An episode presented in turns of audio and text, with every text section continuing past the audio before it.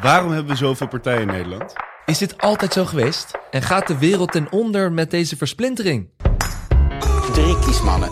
Nederland is een ontzettend gaaf land. Want dat is het. Een nep-parlement. Kiesmannen zitten overal. Inwoners. Nee, kiesmannen. Heb je die, dan ben je president. Welkom bij de Kiesmannen de podcast. De podcast waarin wij jullie lachend klaarstomen voor de verkiezingen. Ik open de vergadering. En ik geef nu het woord aan Jochem. Ja, jongens, goedemorgen. Hoe is het? Morgen. Goedemorgen. Ja, hartstikke goed. Een beetje kleine oogjes nog. Hè? We hebben niet heel veel geslapen na onze grote Brussel-reis gisteren. Ja, wij zijn stiekem de grens overgegaan. Een werktripje. Ja. Kan Mag gewoon, dames en heren. Ja, ik weet niet of het mocht, maar eh, Nou, jawel, zeker. Want we mochten voor de, de, noodzakelijk reizen. de communicatieheren en dames eh, van de EU mochten wij eh, ja, een beetje te kakken zetten. Een kleine 30 minuten satirische show eh, voorbereiden. Ik vond het in primeur onze allereerste comedy show ooit. Ja, Floris die ook grappen ging maken. Ja, het was echt mijn hoogtepunt van de week. Nou, dat zou de luisteraars niet verbazen hoor. ik ben ik de grappigste van de drie. Eh, maar jongens, ik wil eh, voordat we beginnen met het hoofdonderwerp vandaag eh, toch even een kleine primeur bekendmaken. We hebben namelijk Nu al, hè? onze allereerste resultaten van aflevering 1 van onze podcast eh, kunnen wij hier bekendmaken. Namelijk Namelijk drie luisteraars. Ja, pap, mam en Dylan. Ehm, nee, nee, even zonder grappen. Ik zat gisteren, eh, ja, met Hoe ga je dit schaamte op TikTok. en wat blijkt? GroenLinks heeft gisteren, volgens mij als allereerste partij, hun partijprogramma aangekondigd via TikTok. Dus Ja, iets wat wij in onze aflevering, eh, Het aflevering waanzinnige 1 propageerden. wetsvoorstel van de kiesmannen. Moeten die, moeten die verkiezingsprogramma's niet makkelijker? Moeten we ze niet gewoon op TikTok presenteren? Jawel, de eerste partij is ermee begonnen. Eh, ik roep hierbij alle andere partijen op om hetzelfde te doen. Ehm, dit is toch leuk, jongens? Dit is geweldig. Ja. En, en ik hoop dat het audioboek ook snel gaat volgen. Ja. Eh, maar goed, eerst TikTok. Eigenlijk het B-idee wat wij hadden. Ze Ja. zijn niet eens voor het A-idee gegaan. Maar Ja, eh, misschien even voor de, voor de luisteraars die aflevering 1 niet hebben gezien. Wij hadden een wetsvoorstel ingediend. Die partijprogramma's waren veel te lastig te begrijpen. En wij zeiden, moeten die voortaan niet via TikTok worden gecommuniceerd? Binnen, binnen 30 seconden, dan kijkt iedereen ze. Ehm, toen zeiden we eigenlijk nee. Maar ik zou vooral zeggen, luister de hele aflevering terug. doen. Goed, maar waar ik het over wil hebben is het volgende, ehm, eh, jongens. Want we zijn natuurlijk onder andere druk bezig met het voorbereiden van de verkiezingsshows. Tweede Kamerverkiezingen komen eraan in maart. En wat mij een beetje tegen de borst stuit, is dat voorbereidend werk. Tegenwoordig moeten wij niet drie, vier, vijf partijen doornemen. Maar moeten wij maar liefst 13, 14, misschien zelfs al 15 partijen Ja, ja, ja. voorbereiden. Ik word er helemaal lijp van. En daarom wil ik met jullie hebben over het meerpartijenstelsel in Nederland. Waarom de fuck hebben we zoveel partijen in Nederland? Het is onhandig, het is niet efficiënt. Ik ben er klaar mee, dus dat wil ik graag met jullie bespreken. Hartstikke goed. Ja, nee, het lijkt me een heel Ja, sorry, het zit me hoog. Jij bent goed zagrijnig vandaag. Ik vind het ook mooi dat het weer komt uit een soort eh, egocentrisch perspectief. Van ik moet veel werk doen, dus we gaan dit eh, veranderen. Maar laat ik dan ook meteen duidelijk zijn. Ik vind heel veel partijen geweldig. Ik vind eigenlijk we moeten meer partijen hebben. Maar daar gaan we misschien zo dadelijk nog op terugkomen. Zeker. Ja, maar, maar misschien eerst eh, heel even in het kort. Wat is een meerpartijenstelsel? Ehm, ik heb even de Wikipedia erbij gehaald. En dat is eigenlijk eh, heel simpel. Dat betekent namelijk dat in Nederland er tenminste eh, drie partijen mee mogen doen. Maar in ieder geval meer dan drie partijen mee kunnen doen aan de verkiezingen. En zo mee kunnen doen aan de macht. Eh, je hebt natuurlijk ook eh twee partijenstelsels. Die zien we natuurlijk vooral eh, in de VS kennen we die, de Republikeinen en Democraten. We zien het in meer of mindere mate ook in het Verenigd Koninkrijk, waar altijd eigenlijk twee partijen meedoen voor een meerderheid van de macht, Labour en Conservatives. En we kennen natuurlijk ook de eenpartijstaten, zoals China, communistische partijen, maar ook in Cuba, in Noord-Korea. Rusland. ook wel. Eh, ja, tegen, ja nou, Toch? oprecht. Tegenwoordig ook Rusland, al Ja. is dat niet eh, officieel een eenpartijstaat. Het is gewoon een uh, meerpartijdemocratie. Hier dus een eh meerpartijenstelsel. Ehm, Nou, ik denk dat we eerst moeten beginnen met de vraag... eh, hoe komt het dat wij zoveel partijen hebben in Nederland? ja, Dit was precies. namelijk niet altijd zo, lieve luisteraars. Ik wil jullie graag meenemen terug naar vroeger.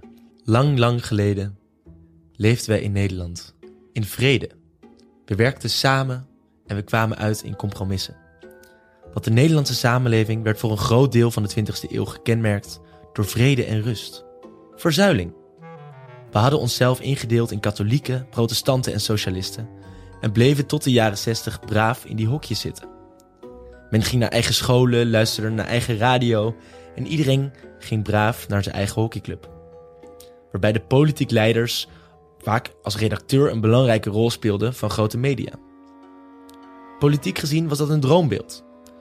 Door de geslotenheid van de zuilen bij verkiezingen kwamen er steeds geringe verschuivingen voor in het parlement. Voor het overleg en de gelijke verdeling van posten kenmerkte de tijd van verzuiling zich ook door relatieve stabiliteit. Na 1946 werden de meeste kabinetten gevormd op basis van samenwerking tussen slechts een paar partijen, waardoor de kabinetten vaak over een ruime meerderheid in het parlement beschikten. Kortom, de wereld was stabiel en de Nederlandse politiek was heerlijk duidelijk en overzichtelijk. Nou ja, ik denk dat die tijd ongeveer even saai was als dat jij hem net hebt voorgelezen. Want toen kwam de culturele tegenbeweging, de jaren 60. En toen verbrokkelde de maatschappij eigenlijk. En dat is, dat is de tijd van de Beatles, de Stones, de vrijheid, groeiende welvaart over de hele wereld. De televisie kwam op, media kwam op. En dat was nog een tijd van verandering. Daar gebeurde enorm veel. En voor heel veel burgerbewegingen was het een belangrijke periode. Voor, de, voor de burgerbeweging in Amerika, maar ook voor de feministische beweging hier in Nederland, voor de homobeweging hier in Nederland. Noem het maar op. En er was ook heel veel staatskundige vernieuwing. Denk bijvoorbeeld aan D66, die in de jaren 60 zijn, zijn opgericht. Eh, die wilde toen al, net zoals wij in de vorige aflevering beargumenteerden, een gekozen minister-president in Nederland. Hebben ze niet gekregen, maar ze zijn wel groter geworden. Ze waren revolutionair op dat moment. Ze waren zeker revolutionair. Eh, dat kan je van ze op dit moment niet meer echt zeggen. Maar het belangrijke is dat eigenlijk eh, er was ook een ontzuiling gaan. Dus wat, wat Jochem net allemaal vertelde over die vier zeilen en die het allemaal voor het zeggen. Ja, dat, dat was eigenlijk steeds minder het geval in Nederland. Er was een ontzeiling gaande, een verbrokkeling van de maatschappij. En dat zag je dus ook terug in de politiek. Je had steeds meer partijen, zoals bijvoorbeeld de Groenen, die iets extremer waren, extreemrechtse partijen die opkwamen. Eh, En dat had ook te maken met dat er een bepaalde eh, ontkerkeling eh, gaande was in de maatschappij. Dus de kerk die had steeds meer, minder een grote rol, speelde steeds minder een grote rol in, in de maatschappij. En dat had bijvoorbeeld ook als gevolg dat bijvoorbeeld de katholieken en de protestanten opeens moesten gaan samenwerken. Terwijl ze dat voorheen nog niet de- deden. Dus En je- dat was het CDA. dat was inderdaad de grote fusie die uiteindelijk eindigde in, eh, in, het, in het CDA.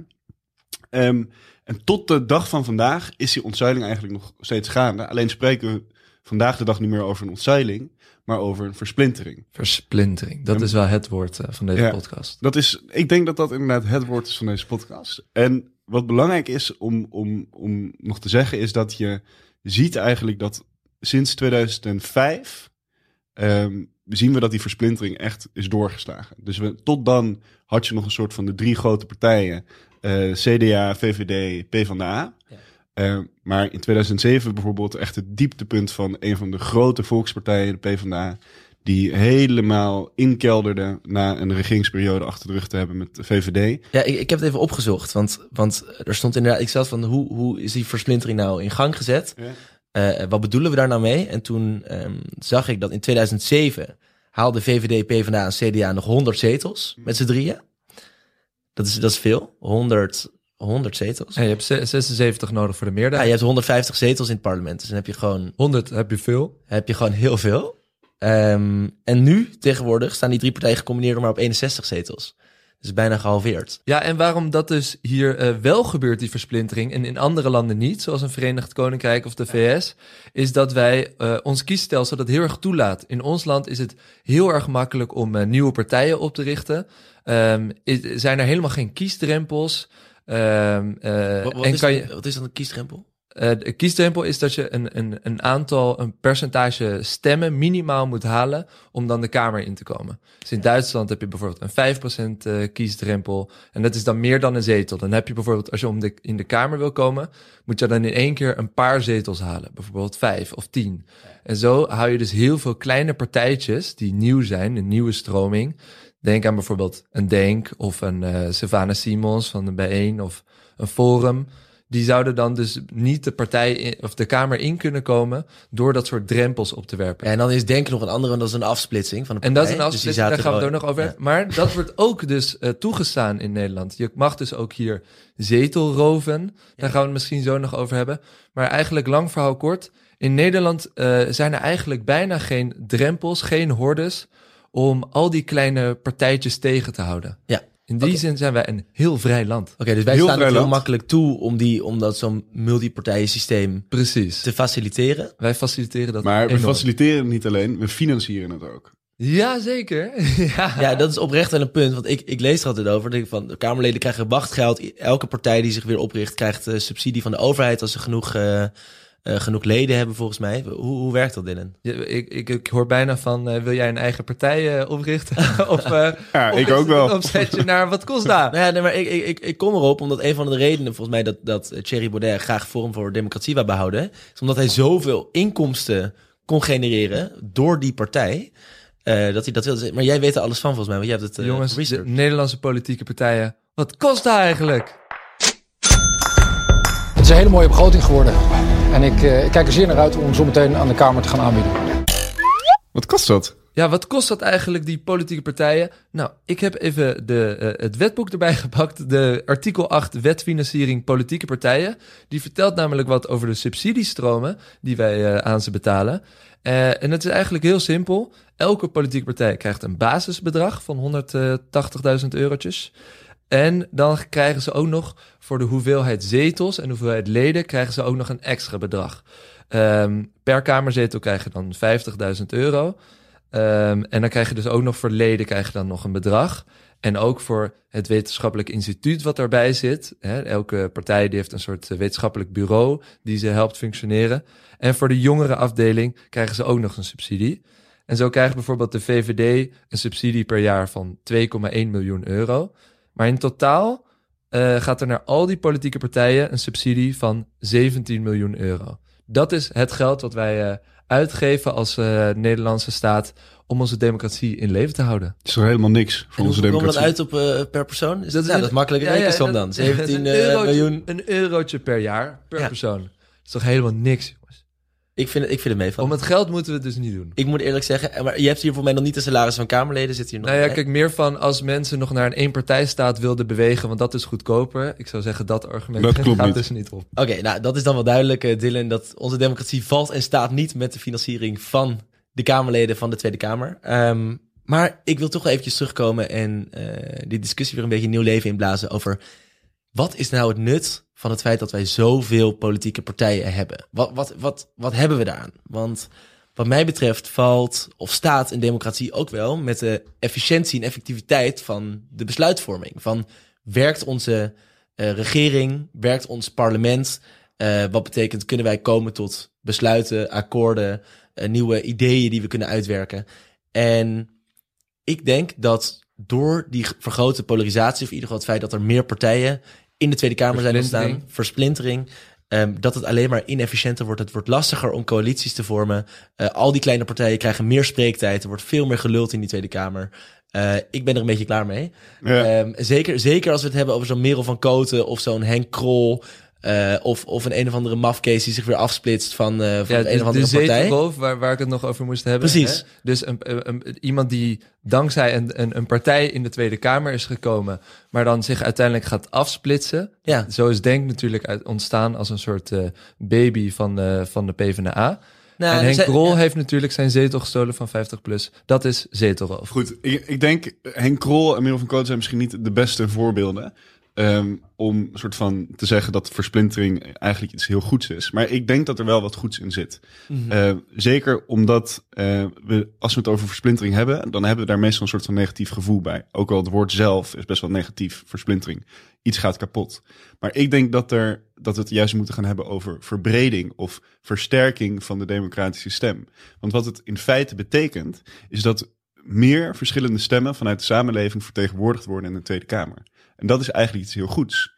Want dat maakt dat eh, er ook debatten worden gevoerd voor groepen die op dit moment minder vertegenwoordigd zijn in de, in de, in de Tweede Kamer. Dus denk, is inderdaad een afsplitsing, is een versplintering of een vorm van een versplintering. Maar dat heeft er wel voor gezorgd dat een hele andere groep, die tot dan toe niet vertegenwoordigd was, opeens kon gaan meedingen in het vormen van het politiek beleid. Waarom moet daar een nieuwe partij voor worden opgericht? Waarom kunnen we dan niet binnen die bestaande partijen zo'n discussie laten ontstaan? Het is toch van de zotte dat we, eh, dat we voor de ouderen hebben iemand nodig. We hebben nu een jongere partij wordt er opgericht. We hebben een, eh, een partij voor de dieren, een partij voor weet ik van wie.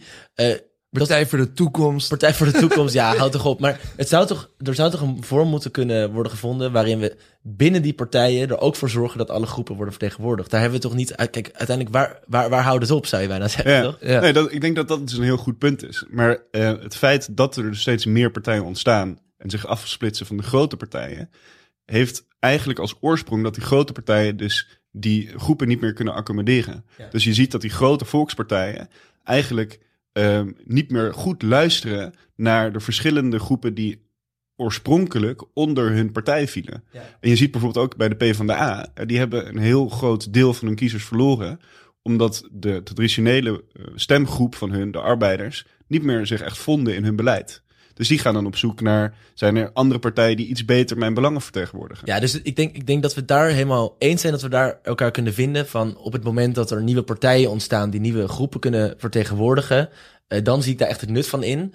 Maar een eh, groep otten die zich dan weer afsplitst van, van Forum bijvoorbeeld. Puur omdat ze een interne ruzie hebben. Ja, dat, en dat, dat- dat gebeurt kan. natuurlijk heel veel. Weet je, ook Ja. met de Partij voor de Dieren. Met, en dat is misschien voor de luisteraars moeilijk te volgen. Maar er zijn gewoon ook heel veel eh, eh, interne partijruzies. Dat mensen opeens weer afsplitsen. Omdat ze het gewoon niet eens met elkaar En die zijn beginnen dan een eigen partijtje. zonder dat zij hele nieuwe groepen vertegenwoordigen, dat is volgens mij echt eh, eh, niet nodig. Maar ik denk, Floris, ik- we, we zijn dichter bij elkaar gekomen, Ik consensus. denk het ook, zeker weten. nieuwe partijen, prima als ze echt nut hebben voor de samenleving, maar niet als het soort van bullshit Dus we gaan, we gaan geen kiesdrempels en dingen opwerpen. Geen we gaan het niet moeilijker maken. Ehm, maar kunnen we misschien iets anders gaan doen, Jochem? Ja, dames en heren. Elke week introduceren wij aan u een waanzinnig wetsvoorstel. En ik heb er eentje om weer van te smullen. I'm gonna make him an offer he can't refuse. Kiesmannen doen een waanzinnig wetsvoorstel. Mijn wetsvoorstel, Dylan en Floris, is het volgende. Ik zie best wel in dat die kiesdrempel, die hebben we misschien inderdaad niet nodig voor Nederland. Het is prima als mensen initiatief nemen om een eigen partij op te richten. Maar ik stel het volgende voor. Een psychologische kiesdrempel. Wat, wat bedoel je ermee? Nou, het is misschien wellicht eh, veel in het nieuws geweest bij jullie. Hè? We horen natuurlijk veel over ontgroeningen en wat er allemaal wel en niet goed is bij studentenverenigingen. Maar ik zat te denken, Ja, Waarom die boefjes in Vindicat. ja, bijvoorbeeld. Maar waarom introduceren we niet gewoon een kleine psychologische ontgroening, een kennismakingstijd voor nieuwe partijen die de Tweede Kamer willen betreden? Ehm, dan, dan, dan ontmoedig je ze op een, een of andere manier toch om lid te worden of om een partij op te richten. Maar als ze het echt heel graag willen, dan kan dat gewoon. Maar dan moeten een paar dingen ontstaan, eh eh, onderdoor gaan. Eh, ontgroeningscommissie onder leiding van, eh, van Ariep natuurlijk, de voorzitter van de Tweede Kamer. Uiteraard, Heel goed. Om, je, om, je, om je kantoordeur te verdienen, moet je toch even twee weken, twee weken op je knieën zitten. Ehm, eh, ik stel voor dat je. Dat elkaar- vind ik nog best mild. Normaal is je deur verdienen werkt toch iets anders, ja, ik weet het niet. Ik heb nooit bij vereniging gezet. Je hebt gewoon nog nooit je deur verdiend. ik, dat- ik heb nog nooit mijn deur verdiend. Maar, maar ik stel gewoon voor liederen zingen in de Tweede Kamer. eh, een dropping in de dacha van Poetin. eh, en de, en de, terug, de weg terug weer vinden eh, in de Tweede Kamer. Zo, zo komen die partijen ook een beetje tot elkaar. Hè. Die moeten samen een zware periode door. En volgens mij komt het alleen maar ten goede van de consensus in de politiek. Dus een kleine ontgroening voor nieuwe partijen. Wat denken jullie? Wat een waanzinnig wetsvoorstel. Ik vind dit, dit is wel... eh, kijk, je hebt echt waanzinnig. En je hebt echt waanzinnig. Ja, En dit vond ik toch wel echt waanzinnig. ik kijk nu ook al uit naar die televisieserie De Feuten, de Tweede Kamer. Weet je dat, dat, dat met Feuten alle de Tweede Kamer. Goed. Heren. Ja, ehm, het meer, eh, minder of meer partijenstelsel. Eh, we blijven denk ik toch bij een uh, meer partijenstelsel uh, deze week. Um, dit was hopelijk alweer... ook. Ja, hopelijk. ook na deze Tweede Kamerverkiezingen. Um, jongens, dit was alweer uh, aflevering 4. Uh, volgende week gaan we het hebben over de Eerste Kamer en of we die ook niet gewoon moeten gaan afschaffen. het lijkt een soort terugkerend thema. Wij gaan heel veel afschaffen. Um, gaan we het deze keer echt doen? Ik weet het niet. We horen het volgende week. Uh, voor nu, heel veel dank voor het luisteren. En heel veel plezier met de Binnenhof Ballad van Jochem. Of vergeet ik wat? Ja, Dylan, je vergeet nog iets heel belangrijks. Want we hebben nog een uh, verlaten Sinterklaas-surprise of een, een, vervroegd kerstcadeau, zou je ja. kunnen zeggen, voor onze oh, luisteraars. Ja. Onze luisteraars. Uh, onze luisteraars, inderdaad, je zegt het al. Want uh, daar komen ook binnenkort hopelijk kijkers bij. Want wij gaan onze eigen YouTube-channel openen. Waar alle afleveringen op, uh, op terug te zien zijn. Uh, dus ga daar vooral na naartoe. Abonneer je. Uh, volg ons ook op Instagram. Ga met elkaar in discussie in de comment-sectie over wat je er allemaal van vindt. En misschien ook wat voor thema's uh, je nog wil verkennen met ons. Dan zullen we dat zeker meenemen. Maar um, voor nu denk ik, Jochem, het is tijd voor jouw Binnenhof Ballad. Yes, I'll take it away. Oh, wat zijn ze aan het kloten. daar in Politiek Den Haag. Want wie de fuck is die van Koten? Is toch een zeer terechte vraag. Toen groep Otte en Van Haga en nu zelfs Forum staat in brand. Dat toch ook Kuzu wel moet denken van, wat is hier nou aan de hand? Ja dus, lieve lieve luisteraars, één tip van de redactie. Heb je nou even ruzie? Begin dan please geen nieuwe fractie. Blijf lekker podcast luisteren, ver van dat Malieveld. Zorg voor inclusie, maak geen ruzie. Ja, dan ben je pas een held. Lieve luisteraars, tot volgende week. Dank voor het luisteren. We zien jullie daar.